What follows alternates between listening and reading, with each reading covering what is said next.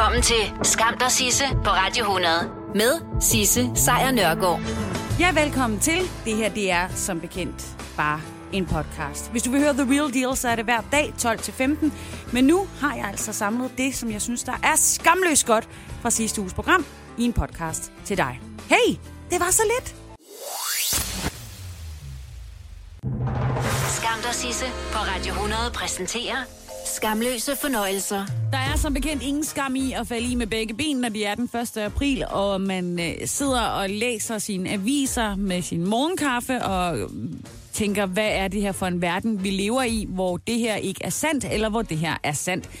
1. april er jo som bekendt ens betydende med, at man øh, gerne må tage pis på hinanden. Det, man skal næsten, hvis man er øh, til den slags øh, drilleri. Og øh, nogen, der åbenbart føler det helt store behov for at tage pis på os, det er de danske medier. Som om de ikke skrev historier, eller som om vi ikke fortalte historier hver evig eneste dag, som du kunne sidde og tænke, det er simpelthen løgn. Jamen, så kan jeg fortælle dig, at i dag, der er der et hav af historier, som rent faktisk er løgn. Således kunne du nemlig også i dag, hvis du læser BT, øh, simpelthen læse, at øh, Tivoli i København har lavet øh, et, øh, et tiltag, som måske vil glæde rigtig mange hundeejere landet over. Øhm, det er sådan, at her den 4. april, der åbner øh, Tivoli øh, igen. Dejligt. Så skal vi ind og hygge os. Men nu vil der altså også åbne en ny forlystelse, særligt målrettet vores bedste ven, nemlig hunden. Ja! Så øh, fremover vil det ikke kun være en forlystelsespark for både børn og voksne. Nej, nu er hunde også velkommen, og der er dertil anrettet øh, forlystelser til de firebenede øh, kræ. Så det kunne du altså læse i BT i dag. En anden øh, ting, du kunne læse i øh, BT's øh, konkurrent, nemlig øh, Ekstrabladet. Konkurrent og konkurrent, det er to vidt forskellige pamfletter, men ikke desto mindre, det er, at øh, Gita Nørby, hun har fået en... Øh, ja, hun har fået en ny en ny chance. Det viste sig nemlig efter, hun var med i øh, det her Radio 24 øh, 7 øh, øh, program Hele Danmarks Gita, at hun er blevet lidt af et hot navn i øh, radiobranchen.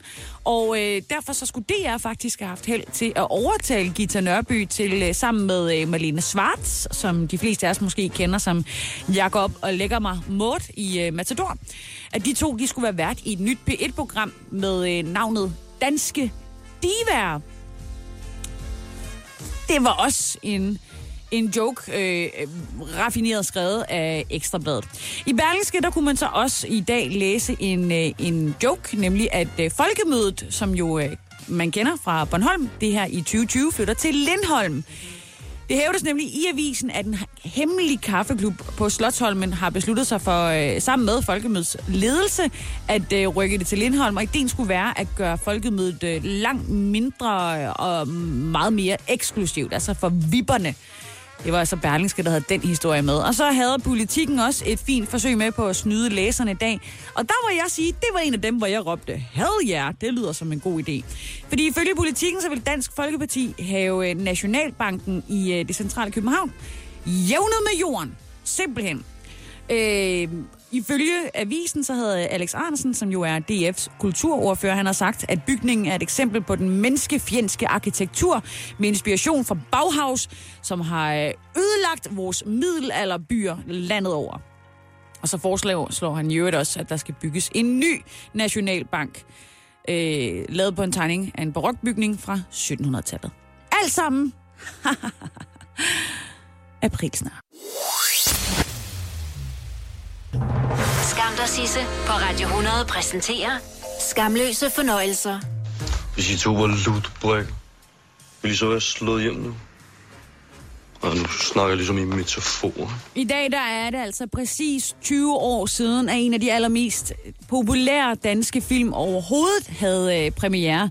Udover at øh, have premiere, så var der også øh, Susanne Biers øh, gennembrudsfilm, og det blev et gennembrud, som den dag i dag stadigvæk altså erindres med, øh, med kærlighed og med grin og med, øh, ja, også øh, selvfølgelig lidt, øh, lidt tårer. Bella, Della, Gisse, Misse, Spaghetti med de pizzeria. Fordi der er så mange gigantisk gode scener, som for eksempel øh, italiensk på paprikastensk, og så er der det her jo, Bare ærgerligt, Sonny boy. som jo kom øh, frem efter at være blevet øh, trænet, altså hvordan man virker tilpas overskudsagtig, når ens kæreste, der har været en utro, vender tilbage for at tømme lejligheden. Hvordan, hvordan skal man så være? Jamen, man skal være sådan her. Bare ærgerligt, Sonny. Bare ærgerligt, Sonny boy. Altså, måske en lille smule mere trutmund, ikke? Og så enden tilbage og brystet frem. Kom, prøv nu igen, skat. Kom nu. Det går. Ja. Bare ærgerligt, Sonny boy. Ja, okay. Ja, og så må du så altså love mig, at du ikke overgiver dig første gang, han kommer og smiler, ikke? Du skal være iskold, ikke? Han skal helt ned på knæ og ligge, ikke? Ellers så, ja, så smutter han bare igen om en uge. Du lugter løg. Ja, der er jo en grund til, at øh, paprikasten lugter rigtig meget af løg i øh, Sissebeth Knudsens næse. Men nu vil jeg ikke spoil for meget, fordi det kan godt være, at over 840.000 danskere indløste øh, billet til øh, den ene scene. Men hvis det nu er, du ikke lige kan huske, hvad der er op og ned, jamen... Øh, så vil jeg ikke være den, der afslører for meget. Men jeg kan i hvert fald uden at afsløre for meget sige, at øh, den handler om køkkenmontøren øh, Niller og dermatologen Sus, der skal have et nyt køkken. Og de to mødes jo så i, ja, tada, køkkenet. Og der er jo en ting med Niller, det er, at han har jo lidt dårlig sædkvalitet. Hvis man så bliver godkendt, så øh, skal man betale 33.000 noget, de kalder formidlingsgebyr. Det dækker ja, alt muligt dernede i Burkina Faso. Hvorfor går du ikke bare ud i byen og bliver boldet tyk, så det bare 43.000? Det er Lisi, du taler om. Så er det meget godt ud. 43.000. Jeg skulle da godt gøre det for det halve, altså. Ja, og det øh, får han heldigvis ikke lov til, fordi køkkenmontøren Niller med den dårlige sædkvalitet får lov til at øh, adoptere sammen med sin øh, kone, og så sker der jo ting med det samme, der gør, at han er alene med sit, øh, sit barn, Mgala, som øh, vi alle sammen kom til at elske. For blandt andet sit, øh, sit ordforråd Jamen så, fuck, fuck det. som smittede af på os øh, alle sammen. Som sagt, i dag 20 år siden, at øh, den ene scene havde premiere, og det kan jo være, at det måske det ved jeg, du lyst til at se den en gang til i aften. Og ikke andet, så skal det være der er vel for ondt. Skam dig, Sisse på Radio 100 præsenterer Skamløse fornøjelser. Noget, du formentlig ikke er sådan helt up-to-date med, det er øh, valget i øh, Ukraine. Jeg ved ikke, har du øh, noget, du går og tænker meget over? Det var det i hvert fald ikke øh, for mig. Øh, indtil jeg i aften så, at der var øh, første valgrunde i øh, præsidentvalget, og øh, at de kandidater, som jeg havde regnet med, ville være der, de var der, men så var der også en tredje kandidat, som rent faktisk så ud til at vinde. Øh, der var øh, Julia Timochenko, hun har været med øh, siden tidernes morgen. Det er hende, der har den der fine lille flætning. Så var der den nuværende præsident, Petro øh, Poroshenko, som jo er en øh, dude, der øh, fik øh, en orange revolution, revolution tilbage i øh, startnullerne. Og uh, det var håb og glade dage, og så viste han sig at være ligesom alle de andre. Fuldstændig korrupt. Og så er der altså kommet en ny mand på banen, som har stillet op, og som øh, fører, ifølge alle de her exit polls. Han er skuespiller, han er komiker, han har absolut ingen, ingen politisk øh, karriere bag sig. Og han hedder Volodymyr Zelensky. Og det ser sig ud til, at øh, Volodymyr, han har fået øh, flest stemmer. Simpelthen. Som sagt, manden har ikke nogen politisk erfaring, og har kørt en helt anden type valgkampagne, end dem man ellers ser i øh, Ukraine. Fordi han har øh, givet øh, forestillinger, han har lavet koncerter, han har lavet stand-up shows, og hver uge, der dukker han også op i øh, ukrainsk tv som skuespiller i en tv-serie, som øh, de fleste mennesker i Ukraine i hvert fald kender. Og så er han altså også aktiv på øh, sociale medier. Og hans øh, tilhængere, de håber altså, at han kan give frisk luft i øh, det politiske system i Ukraine, som jo for mange anses for at være korrupt. Der har været øh, flere forsøg på at få det væltet, men øh, så kom øh, russerne ind fra den anden side belejligt nok og begyndt at indtage små dele af, af Ukraine, og så var der ligesom ikke øh, tid til at snakke om alle de korrupte politikere. Og nu skal det også lige siges, at selvom Volodymyr øh, ikke øh, er øh, øh, politiker, så er han selvfølgelig også øh, åbenbart en lille smule korrupt, men ikke noget i forhold til alle de andre. Men der er kommet en afsløring i den her uge om, at han havde en luksusvilla i Italien, som han ikke lige havde øh, angivet på sin selvangivelse. Det kan jo ske, kan jo ske at man lige glemmer sin, øh, sin, lille, sin lille luksusvilla. Ja, og den her slags sager kommer der højst sandsynligt til at være flere af, fordi i løbet af de næste tre uger, der kommer de altså til at gå ind i en intensiv valgkamp, fordi de skal stemme igen den 21. april, og så bliver der altså øh, så bliver der altså valgt, øh, valgt til. Så skal man finde ud af, hvem der skal være præsident. Så øh, lige nu, der står kampen altså imellem den nuværende præsident Petro Poroshenko, og øh, derefter, øh, så er det jo altså Volodymyr, som står på stemmesedlen. Så held og lykke til Ukraine. Vi må se, hvad, hvad det bliver til, og øh, kryds fingre for, at øh, de på en eller anden måde, bare på en eller anden måde, det ved jeg ikke, får lidt mere styr på det der med korruption og demokrati. The middle. Og det er også der, vi skal hen nu, altså ind i øh, midten, i midten af dansk politik. For det kan godt være, at valget ikke er blevet udskrevet endnu, men øh, valgkampen og ikke mindst de her aftaler mellem partierne, som øh, ligger øh, forud for at danne en regering, jamen de er i fuld sving, og nu er der altså tid til øh, Mette Frederiksen. Kvinde, øh, forkvinde for øh, Socialdemokratiet, og ikke mindst øh, Venstrefløjens, eller kald det hvad du vil, med dem i spidsen, men øh, i hvert fald Venstrefløjens statsministerkandidat, fordi hendes opbakning er ved at smuldre. Det er den radikale leder, Morten Østergaard, som øh, kræver, at øh, Mette Frederiksen skal tage et opgør med øh, centrale dele af det her såkaldte paradigmeskifte. Det er øh, paradigmeskiftet, det omfattede jo øh, som bekendt stramninger i udlændingepolitikken og blev vedtaget i Folketinget af regeringen, Dansk Folkeparti og Socialdemokratiet. Det vil han gerne have, at Mette hun tager et opgør med, og dermed øger øh, integrationen af flygtninge i øh, Danmark. og vil hun ikke det, jamen så vil han altså aktivt bekæmpe, at hun kan blive statsminister. Badababam.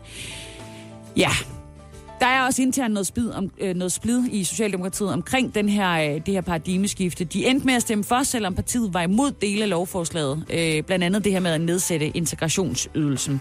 Nå, Morten Østergaard, han kalder altså Socialdemokratiet støtte til paradigmeskiftet, og øh, i øvrigt øh, de øh, markante stramninger, der er i udlændingepolitikken for tiden, for dråbøn.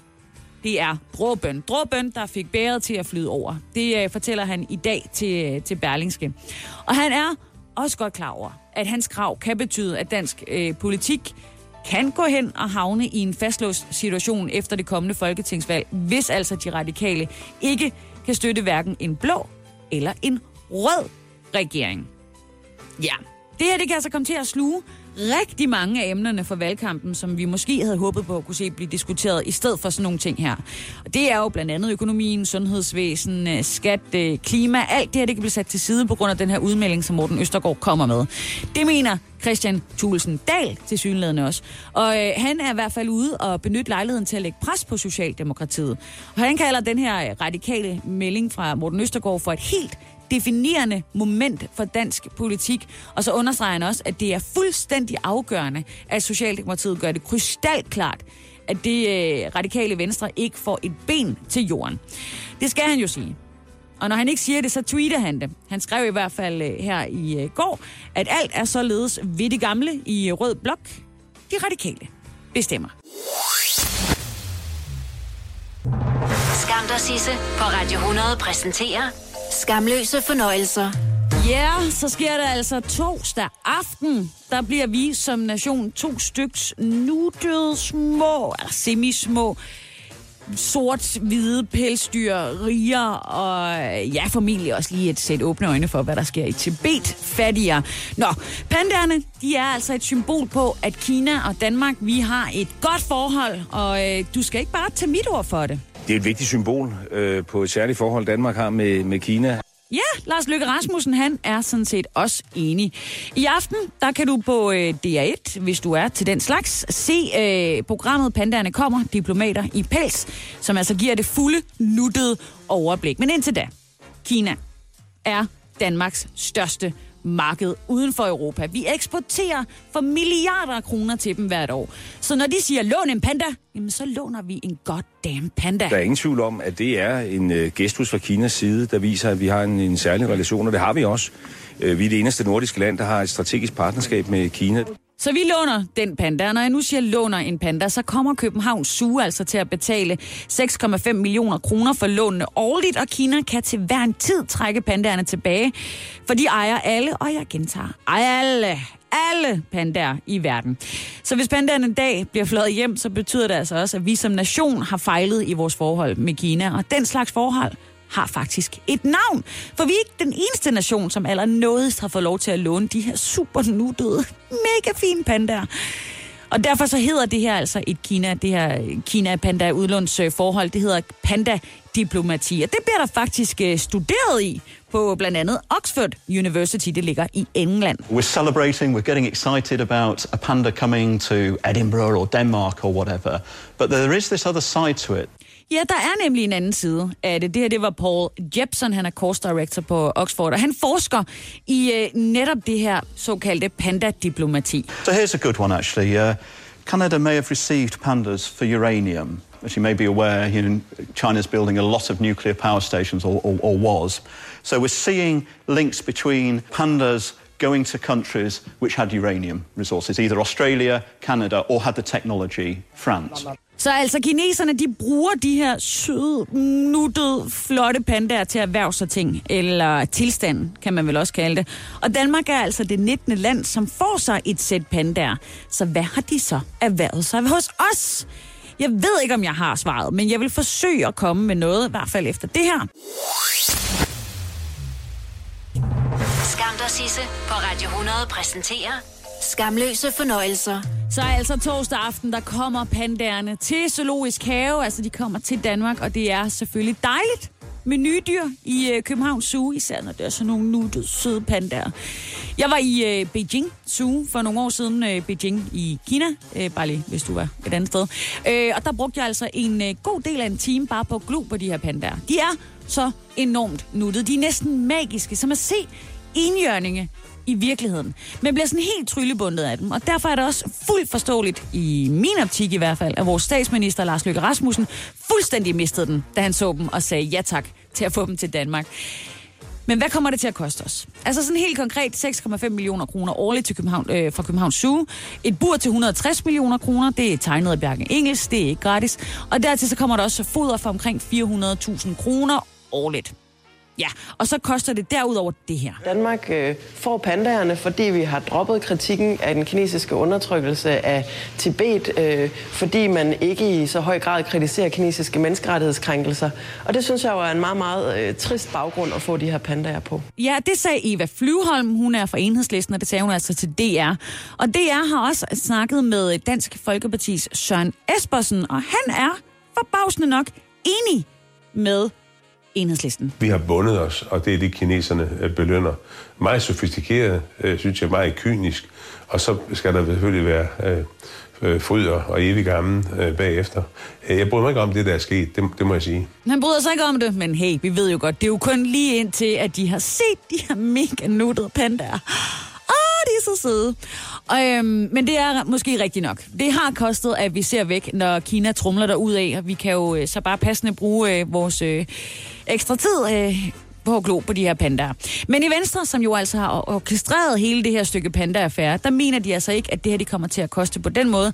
De siger, at det vil have kostet mere at sige nej til kinesernes gavmilde udlån af pandaer. For gjorde vi det, så vil det blive betragtet som en fornærmelse. Så øh, vi er praktisk taget bundet på hænder og fødder for at kunne få de her mega søde, pelsede, nu de spiser bambus for helvede pandaer. Men øh, lad os se, hvad der kommer til at ske med demonstranter fremover, når kineserne kommer forbi. Det er jo ikke til at vurdere. Hele den her aftale om pandaerne, som jo altså lander på torsdag, blev øh, underskrevet øh, tilbage i 2014, øh, da der var dansk øh, statsbesøg, og... Øh, To år forinden, tilbage i 12, der var der også en kinesisk delegation bestående af hele 13 minister, og med selveste præsident Hu Jintao i spidsen på statsbesøg i Danmark. Så vi er altså på skamløst gode pandafødder med, øh, med Kina i de her dage. Men there is no such thing as a free panda. Det, øh, det ved vi vist godt nu. Men de er også bare så nuttede. Skam dig, Sisse, på Radio 100 præsenterer Skamløse fornøjelser. Shopper du også nogle gange, når du er kommet hjem fra en bytur, og er bare sådan lige lidt fuld? Jeg forventede at høre et ja der. Det er der jo selvfølgelig ikke nogen, der svarer i den anden ende. Men hvis du nu gør, Så hej hej, det gør jeg også, og det har jo så resulteret i øh, rigtig mange åndssvage køb. Øhm, jeg har en øh, kedel med amerikansk stik, så jeg kan ikke bruge den, som var formet som en enhjørning. Jeg har en øh, badevagt, en badedragt fra, øh, fra Baywatch, som heller ikke er min størrelse, og et øh, ur, hvor solens stråler var viser. Ja, så har jeg også købt rigtig mange mærkelige outfits. Øhm, men jeg er ikke alene, og du er ikke alene, hvis du også shopper via telefonen i en brændert. Nej, faktisk så er der lavet undersøgelser på, hvordan øh, det her med at shoppe og være fuld på samme tid, øh, hvordan det øh, går op i øh, penge og økonomi, og øh, det er et nyhedsmedie, der hedder The Hustle, som netop har lanceret en, øh, en undersøgelse. De har fundet 2.000 mennesker som netshopper, mens de er fulde, og de fortalte, at de i gennemsnit brugte omkring 400 dollars årligt på øh, fuldemandsshopping. 400 dollars, det er skud øh, lige lynhurtigt, øh, cirka 2700 kroner. Tekken Hustle havde så også lavet nogle udregninger og ganget den her skala op, og alt det her matematik fik de så øh, til at passe med antallet af voksne i USA, som shopper, mens de er fulde, og leverede så et cirka skøn på, hvad de amerikanske netfirmaer tjener om året på, at folk er fulde og netshopper. Og det er, hold gerne fast i et eller andet nu, 48 milliarder dollars. 48 milliarder dollars. Det er 320 milliarder kroner. Ah! Mens du er fuld. Og langt de fleste af de her penge, de går lige ned i lommerne på øh, Jeff Bezos og hans øh, Amazon, som jo i den grad dominerer internetshopping med deres øh, uendelige udvalg, og ikke mindst horrible, super billige produkter, som lige passer, når man er hammerende stiv. Ifølge undersøgelsen så besøgte 85 procent af de berusede shopper Amazon først, og så handlede de dumme ting derefter, fuldt af, at de så gik på eBay og på Etsy. Øhm, herligt sted, og efter at have indtaget øl, vin eller spiritus, så er det, som øh, vi åbenbart bedst kan lide at shoppe, tøj.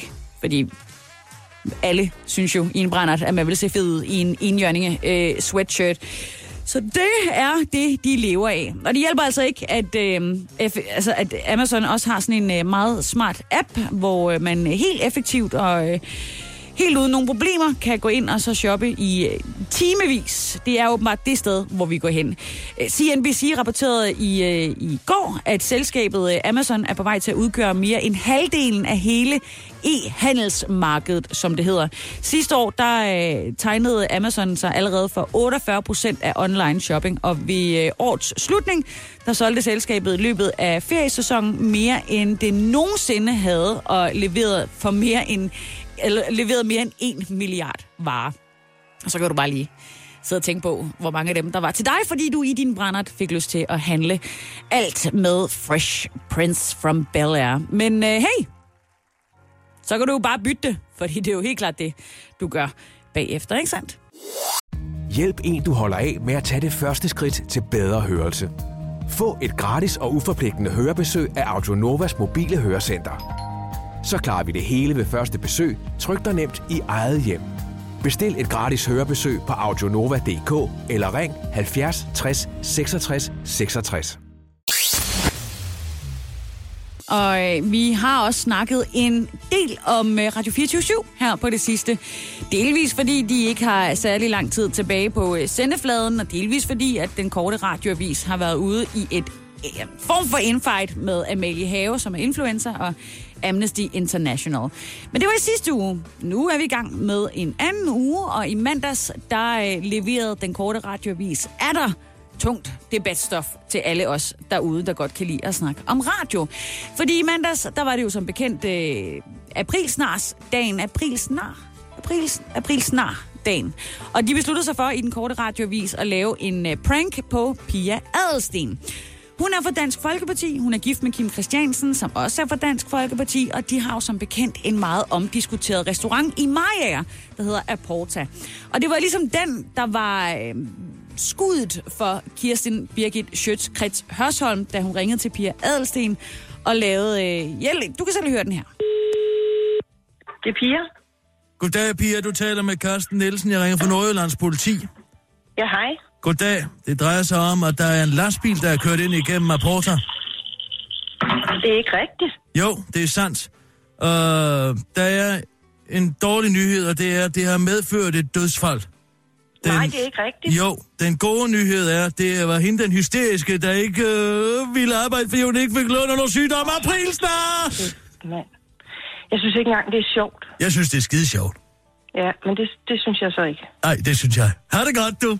Ja, og der er måske en del, der ikke har været ude og synes, at det her det var sjovt. Og nu øh, er Radio 24 så ude og beklage, fordi den her prank, den her joke, den gik nok lige lidt over den der udefinerede satirestreg, som makkerparet Frederik Silius Jørgensen og øh, Rasmus Brun, der altså står bag den korte radiovis, de dagligt balancerer på. Pia Adelsten, hun har været ude og sige, at hun husker, øh, husker den næste rum tid efter den her prank som uvirkelig, og hun var helt lamslået. Øhm, Frederik Silius, som jo spiller øh, Kirsten Birgit, ringede kort tid efter og undskyldte, og det gjorde øh, hans chef også fra øh, Radio 24 ligesom der også blev sendt undskyldningsblomster. Og Adelsen, hun har altså modtaget buketten, og hun har modtaget undskyldningerne, men hun har ikke besluttet sig for endnu, om det her det skal have yderligere konsekvenser for Radio 24 øh, Det er øh, strafbart at udgive sig for at være øh, fra øh, politiet. Nu er det tid til mig, mig, mig, mig, mig, og den her. Skam dig, Sisse, på Radio 100 præsenterer Skammens top 3. Ja, fordi hver evig eneste dag her imellem 12 og 13, så tager jeg øh, og vender vrangen ud, giver dig alt det, jeg går og skammer mig over, så jeg på, øh, på en måde kan slette det fra min, øh, fra min krop, fra, min, fra mine følelser, og komme videre og gøre nye dumme ting i mit liv. Og det øh, munder sig altså ud i en daglig top 3, som jeg øh, kaster mig ud over nu. Nummer 1. Og hvis øh, du er fast lytter, så ved du også godt, at øh, jeg har en tendens til at gå lidt i søvne. Og øh, i nat var ikke anderledes.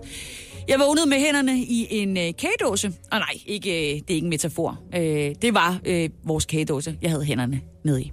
Ja. Jeg bliver simpelthen nødt til at binde mig selv til sengen, hvis ikke jeg skal blive smellerfed inden øh, bikini-sæsonen. Nummer 2.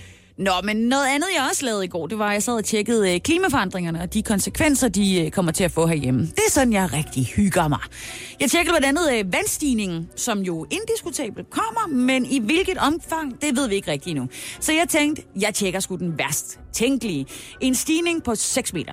Og det er så her, jeg skammer mig lidt. Fordi da jeg så, hvordan det vil påvirke mit liv, altså en, øh, en stigning af vandet på 6 meter, jamen, øhm, så tænkte jeg, okay, fedt nok. Der sker ikke noget i mit kvarter. Vi får havudsigt, men du ved, det er jo okay. Huspriserne stiger, og alt er fedt. Og så bliver jeg lidt mere rolig, hvilket jeg skammer mig over. Fordi zoomede jeg ud, så kunne jeg godt se, at hele Amager var væk, og en stor del af landet omkring mig var forsvundet i havet. Men vi var sikre på Nørrebro. Ja, Skide godt, Sisse. Nummer 3. Og apropos at være sikker, vi snakker jo rigtig meget om den der omfartsvej, som Dansk Folkeparti's Kim Christiansen han gerne vil have uden om Mariager, hvor hans restaurant er. Det er en vej, der skal sørge for, at mennesker ikke springer for livet, når der kommer lastbiler, og blomsterkrukkerne ikke vælter, og alle de her ting. Og alt det her er jo en del af den nye infrastruktur, som regeringen og Dansk Folkeparti har sagt god for. En dyr, dyr vej, og en vej, der er mange, både Mariager og i resten af Danmark, er blevet erklæret for spild af penge, spild af ressourcer og decideret latterlig. 377 millioner millioner kroner vil det koste, og en trafikmåling viste for nylig, at kun fire lastbiler kom forbi i døgnet. Og hvis man så regner på det og vurderer, at vejen holder i 25 år, jamen så vil la- hver lastbil komme til at koste 10.500 kroner om dirigere. Det er det samme som at have en sygeplejerske på job i to uger. Men hey, sådan regner man jo ikke, vel? Man kan jo ikke, man kan jo ikke blande de tal, Sisse. Nå, man får, hvad man stemmer på. Skam dig, Sisse, på Radio 100 præsenterer Dagens skamløse øjeblik. Dansk Folkeparti har jo virkelig haft problemer med omfartsvejen op ved Mariager. Som en del af udvidelsen af vejnettet herhjemme, så fik øh, Dansk Polke, Folkepartis... Øh, Polkaparti, det er noget andet, ikke desto mindre ret fedt. Men så fik øh, Dansk Folkepartis øh, trafikordfører Kim Christiansen, eller det, det vil sige Maja, fik en øh, omfartsvej til 377 millioner kroner. Og øh, der har, for at sige det mildt, været en øh, del kritik af det. Øh, dels fordi omfartsvejen var helt unødvendig ifølge eksperter, journalister og i det hele taget bare mennesker, der boede der, og dels fordi det lugtede lidt af nepotisme. Nå, den her kritik, den har Dansk Folkeparti så rent faktisk taget til sig. Og derfor så kunne man i øh, uh, TV-avisen i aften se en uh, kovending udført af ingen ringer end Christian Tulsendal. Jamen, øh, vi har hørt kritikken, og vi tager øh, til efterretning, at øh, vi lige skulle ned og kigge lidt på projektet igen. Og så kan vi godt øh, se og må blankt erkende, at 377 millioner kroner er mange penge at bruge på, på det projekt, øh, vi havde i støbeskeen i forbindelse med, med den store trafikinvesteringsplan. Så den tog de altså til sig der. Og det gjorde de altså vel at mærke, øh, på trods af, at øh, deres øh, trafikordfører Kim Christiansen holdt fast i, at ideen var smadret fed. Det er stadigvæk en god idé at få den tunge lastbiltrafik uden om de toppede brosten i Maja og udenom mindre landsbyer, hvor der bor børnefamilier osv. Så, så øh, det er stadig en god idé. Ja, for Kim. Måske. Men resten af Dansk Folkeparti kan faktisk også se, at den her gode idé måske var lidt ude af proportioner. Så skal vi jo ikke være stejle og stadige, fordi vi engang har lavet et trafikforlig, så skal vi have lyt, altså lytte til kritikken, tage den til efterretning, og så skal vi reagere på den, og det er det, vi gør her i dag. Ja, men inden at de egentlig tog øh, den her kritik til sig og begyndte at, øh, og overveje, om der var noget om det, jamen så var Kim Christiansen jo ude på at lad os sige, øh, at rage igennem på, øh, på Facebook, hvor han gik i kød på dem, som øh, ikke fandt ideen god. Han, øh, han skrev sågar, ja, jeg har jo sådan set øh, spillet et par gange, jeg kan jo godt øh, spille det en gang til, skrev han det her. Hold kæft, hvor har alle I medløbere sat jer ind i sagen. Må ikke bare I mangler lidt indhold i jeres røvkedelige liv. Den omfartsvej bliver en kæmpe gevinst for mig ja. Jeg, bliver, jeg, jeg, var bare, jeg var færdig, da jeg hørte det blive oplæst i går i trafik, eller i radioavisen. Det er stadigvæk bare et uh, genialt citat. Men det var også et citat, som altså kommer til at stå for trafikordfører Kim Christiansens egen regning. Øhm, og ja, den måtte Christian Tulsendal så også lige sluge i, uh, i går aftes. Jeg synes ikke, at alle dem, der har blandet sig i den her sag, har været uoplyste og nødvendigvis har et røvkedeligt liv, som det bliver sagt her. Så var den vist også lukket. Nu bliver det spændende at se, hvad Dansk Folkeparti ellers får lyst til at lytte til af kritik. Der er noget med noget radio og noget medieforlig og sådan noget. Men det, det bliver en anden god gang. Så skal vi altså lige øh, kigge på den her, øh, det her paradigmeskifte, der er sket i dansk øh, udlændingepolitik. Fordi det er ikke kun de yderste dele af venstrefløjen, og så derudover også Morten Østergaard fra de radikale venstre, som ikke længere bryder sig om regeringen, Socialdemokraterne og Dansk Folkepartis paradigmeskifte. Nope, nu melder ISS og IKEA sig også på banen. De er nemlig også utilfredse. Virksomhederne, de er nemlig dem herhjemme, der har flest flygtninge ansat. Og øh, det, der jo er sket, det her såkaldte paradigmeskifte, det går blandt andet øh, ud på, at øh, fokus på en række områder skal flyttes fra integration til hjemsendelse. Altså med andre ord, I skal ikke begynde at leve her, for vi vil gerne have, at I øh, tager hjem igen så hurtigt som muligt. Og det betyder altså, at myndighederne fremover skal lægge mindst mulig vægt på øh, flygtningenes arbejde, flygtninges uddannelse, deres sprogkundskaber og aktiv integration, når de altså skal vurdere en øh, forlængelse af en flygtnings midlertidige ophold i Danmark. Det skal simpelthen ikke tælle. Men det vil de to virksomheder øh, ikke være med til. De synes, det vil skade de ansatte med flygtninge baggrund, som de har ansat allerede, og også skade muligheden for at fastholde dem i, øh, i arbejde. Og det bekymrer altså blandt andet ISS, øh, det her enormt store rengøringsfirma, som... Øh, du måske kender fra din arbejdsplads. Det bekymrer dem, at den her nye øh, situation vil få en øh, negativ indflydelse på de her mennesker, de har ansat, både på deres motivation og engagement. Det siger deres kommunikationschef i ISS, Anna Anker, til Berlingske. Og det er også over for Berlingske, at IKEA forklarer, at formålet med flygtninge i praktik blandt andet skal lære dem om dansk arbejdskultur og værdier samt sprogkundskaber. Og det kan være med, når de får et godt arbejde, så kan det være med til, at de bliver godt integreret i landet. Men det passer jo ikke med paradigmeskiftet, som bekendt. De skal jo ikke integreres ifølge det, de skal bare videre. Øhm, for IKEA, de mener jo, at det her, det kommer til at blive en større udfordring, hvis der hele tiden er risiko for, at deres arbejdsstyrke bliver sendt hjem. Og de synes, det er rigtig ærgerligt, øh, hvis det ikke bliver muligt at arbejde sammen med de andre på en lige så langsigtet øh, platform som øh, de andre medarbejdere. Nå, alt det her er jo et opråb til øh, Inger Støjberg, vores øh, udlænding- og integrationsminister. Hun forklarer altså også til Berlingske, dog i en mail, at øh, det her øh, paradigmeskift, det fastslår, at udgangspunkter for, eller udgangspunktet for flygtninge er, at de skal opholde sig midlertidigt i Danmark. Og hun forstår godt IKEA og ISS, og det er ikke første gang, at Inger Støjberg hører, at de klager over det her. Øhm, men det er åbenbart ikke anderledes for virksomhed, virksomhederne, end at også andre ansatte af og til skifter arbejde, fordi de flytter til den anden ende af landet, skriver hun. Så ISS og IKEA må gerne bekymre sig. De får bare ikke noget ud af det. Skam dig, Sisse, på Radio 100 præsenterer Skamløse fornøjelser. Åh, oh, en fornøjelse det var, da jeg øh, læste en lille smule om noget øh, arkeologi her i øh, formiddags. Fordi øh, det historiske billede af kvinder igennem tiden er mildt talt vagt. Altså, Hvem var de? Ingen ved det. De var til stede. Måske ingen taler om det. Men efter øh, kristendommen jo sådan for alvor fik fat i os, der blev kvinder sådan generelt skrevet ud af historien og ud af livet, som vi kender det i dag, og har jo været reduceret til hushjælp, til fødemaskiner, til luder eller madonnaer i historien, som i virkeligheden. Men Arkeologien afslører nu en ny badass viden om kvinder i stenalderen. De jordiske rester fra en uh, cirka 1800 år gammel øh, uh, jernalderkvinde er nemlig dukket op i en uh, omfattende udgravning ved Ønlev i uh, Sønderjylland. Og øh, det er måske i sig selv ikke øh, vildt, at der bliver fundet øh, jernalder, folk bevares. Men det er det vilde, det er nemlig, det er, der er sådan et kirurgisk instrument, der er fundet ved siden af kvinden.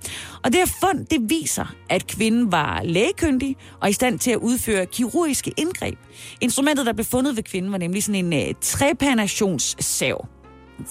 Ser ikke ikke behagelig ud på nogen måder, især ikke, når man tænker på, at den har været benyttet for 1800 år siden i, øh, i hovedet. Fordi den har altså været anvendt til at udføre operationer i øh, kraniet på mennesker. Mennesker, som for eksempel har fået et slag i hovedet ved en ulykke, eller en krig, eller en eller anden form for, for vold. Men det vilde er jo, udover at det her det er fundet, det er også, at det faktisk er første gang, at der er fundet et håndgribeligt bevis på, at kvinder i jernalderen faktisk var læger. Ja! Undersøgelsen peger på, at øh, kvinden her, hun blev lagt i graven omkring år 225-250 øh, efter Kristi fødsel, og hun kan nu være med til at nuancere opfattelsen af kvindernes rolle i jernalderen. Øhm, det er sådan, at Per Edelbert, der er øh, museumsinspektør på det, der hedder Museum Sønderjylland, han siger, at kvinder var ikke bare kvinder. Tada! De havde faktisk en vigtig position, og havde faktisk også nogle bestemte funktioner. Og hun var ikke bare læge, hun var badass, rig læge, hende der blev fundet. For nogle af de øvrige ting, der er fundet i graven, viser, at kvinden var loaded. Hun havde halskæder, hun havde ravperler, hun havde smykker af sølv og bronze. Og det er altså første gang i Danmarks historie, at man har fundet en lægegrav, øh, oplyser Museum Sønderland.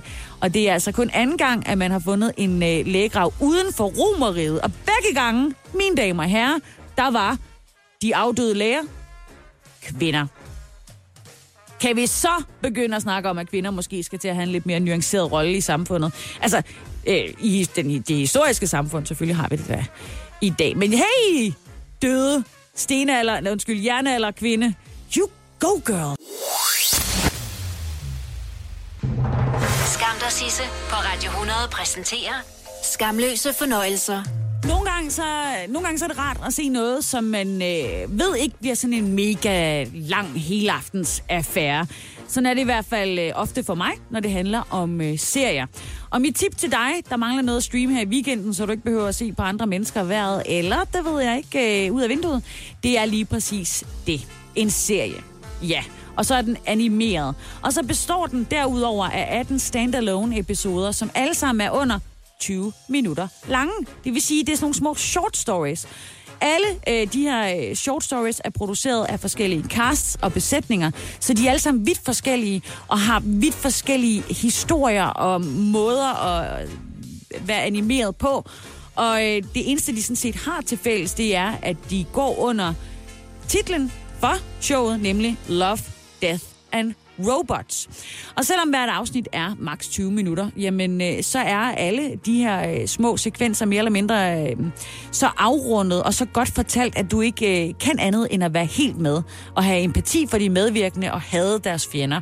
Det er sindssygt spændende. De vælter rundt i alle mulige fremtidsscenarier, som let's face it, ikke alle virker til menneskehedens fordel, men de går også øh, tilbage i tiden og leger med nogle alternativer til vores i forvejen kendte historie. For eksempel, øh, hvad vil der ske, hvis Hitler var blevet slået ihjel som barn? Hvordan ville verden se ud, hvis øh, teknologien ikke var ankommet? Og ikke mindst, hvad russerne kæmpede med i baghaven af monstre, mens de samtidig kæmpede mod resten af verden. Som i den her historie, som jeg har taget et lille klip med øh, fra, hvor man øh, har fulgt et hold øh, soldater i den øh, russiske ødemark. De er på jagt efter et eller andet. Noget, der er vigtigere end den krig, som der altså udkæmpes på alle andre fronter. Det er øh, en form for voldeligt dødsens farligt væsen, som slagter alt på dens vej. Børn som voksne. Og øh, det skal udryddes, det er jo klart. Men øh, på det her tidspunkt, hvor vi møder vores soldater, så ved de godt, at det vil koste hele flokken af soldater livet, men de kan dog sende en efter hjælp. One of us can make it through if we slow them down. No. No, please, sir, no. I'd rather die with you. I beg you, let me Give the stay. Major our coordinates. Tell him to bomb this place into scorched rubble. Father, please. That is an order. Ride like hell and don't look back. Jeg tror, man er cirka 8 minutter inde i afsnittet her, og man vræler simpelthen så godt lavet hele vejen igennem. Og man bliver virkelig, virkelig, virkelig rørt, når en soldat bliver sendt afsted. Dels fordi han er den yngste, men også fordi han er kommandantens søn, og deres eneste håb for at kunne overleve som nation. Og alt det, det får du på bare 17 minutter, og det føles på bedste vis som en helaftensfilm. Love, Death and Robots, det ligger altså på Netflix, og der har det været et par uger. Det tog mig cirka en eftermiddag at se alle afsnit, og nu går jeg og vender tilbage til nogle af dem, fordi de simpelthen er så godt fortalt. Så øh, ja, det var mit tip til dig. Skam dig, Sisse, på Radio 100. Med Sisse Sejr Nørgaard.